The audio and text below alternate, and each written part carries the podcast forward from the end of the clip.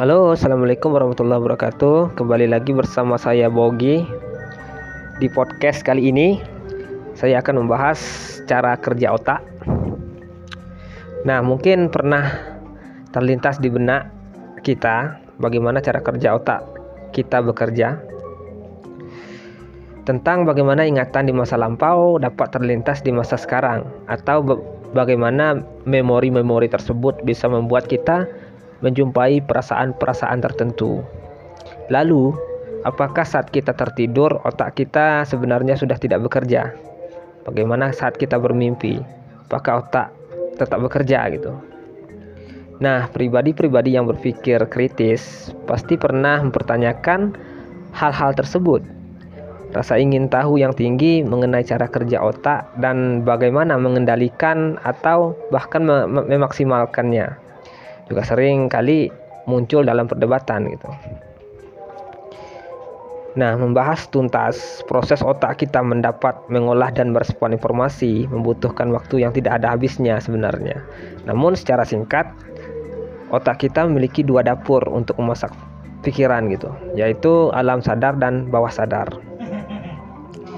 Umumnya banyak orang yang lebih fokus pada pencarian jawaban akan pikiran sadar ketimbang pikiran bawah sadar.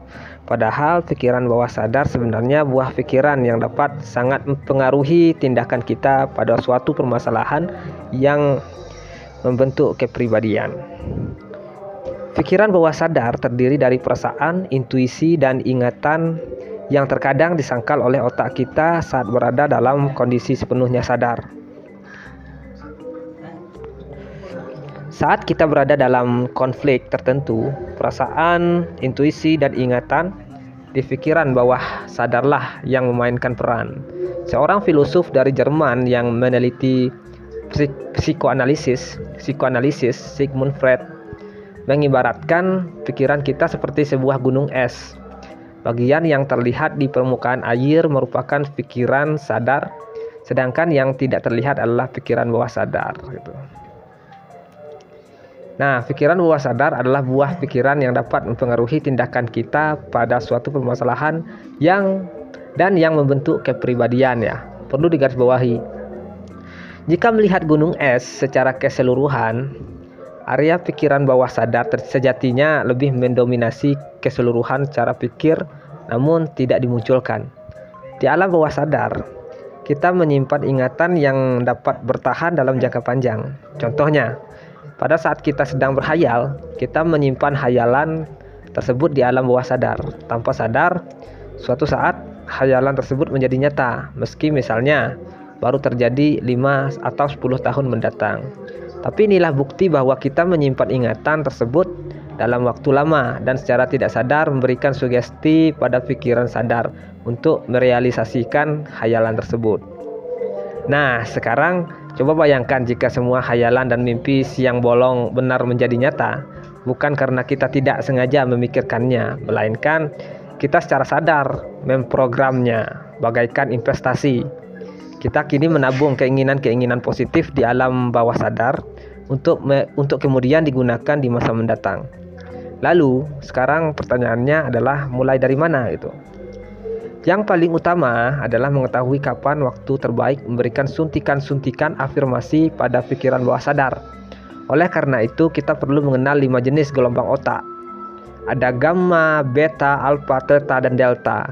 Secara singkat, gamma adalah gelombang otak yang terjadi saat kita berada dalam sebuah konflik yang intens.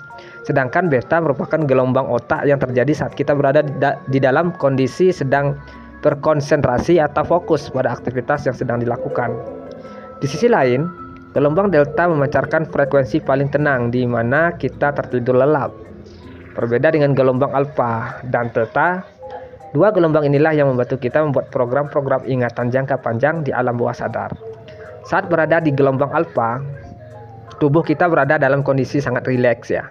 Biasanya ditemukan ketika sudah merasa mengantuk atau hendak tidur. Selagi melamun, gelombang ini jugalah yang memainkan peranan. Hormon serotonin dan endorfin dilepaskan sesaat gelombang alfa aktif. Perasaan tenang, nyaman, dan bahagia muncul ketika gelombang ini terpancar. Hampir mirip dengan gelombang theta. Gelombang ini berpendar bila kita mengalami tidur ringan atau dalam situasi sangat hening dan tenang seperti kala meditasi atau terapi hipnotis.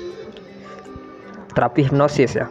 Itulah mengapa sering kali terdapat seorang yang mengatakan afirmasi-afirmasi positif ketika meditasi atau hipnosis gitu. Dalam frekuensi ini, pikiran kita bisa sangat inspiratif, kreatif, dan intuitif karena kondisi otak berada dalam fokus penuh tanpa distraksi. Dengan memahami kehadiran gelombang tersebut, sekarang kita tahu kapan waktu yang tepat untuk memulai investasi pikiran. Bisa secara sengaja ketika mengikuti kelas meditasi atau melakukan terapi hipnosis secara mandiri di rumah gitu. Pastikan untuk membayangkan hal-hal positif dan mengucapkan keinginan di masa depan sepanjang sesi. Hakikatnya, tanpa perlu melakukan meditasi atau terapi hipnosis, kita juga bisa menyetel pikiran program dalam pikiran bawah sadar. Cara simpelnya adalah dengan mengucapkan investasi keinginan sesaat kita merasa mengantuk di malam hari, momen-momen sebelum tidur. Lakukanlah setiap hari agar pikiran bawah sadar kita lebih peka. Bisa juga dengan menulis keinginan tersebut pada secari kertas dan tempel di dinding dekat tempat tidur. Pastikan sebelum tidur untuk menoleh ke bagian tersebut dan membacanya dalam hati. Akan tetapi, Perlu diperhatikan pula bahwa keinginan tersebut tentu tidak akan terjadi apabila kita tidak percaya. Jadi, penting sekali untuk menuangkan, kepercaya menuangkan kepercayaan pada setiap kata-kata yang dilontarkan. Yakinlah bahwa setiap kata, frasa, dan kalimat yang dikirim dan disimpan dalam pikiran bawah sadar memiliki kekuatan magis, magis ya, yang dapat mempengaruhi masa depan. Mungkin itu saja untuk kali ini bahasannya tentang cara kerja otak kita tentu kita harus tahu dulu bagaimana memanfaatkan kerja otak untuk menjadi sukses. Salam hebat, salam luar biasa, salam inspiratif. Terima kasih. Assalamualaikum warahmatullahi wabarakatuh.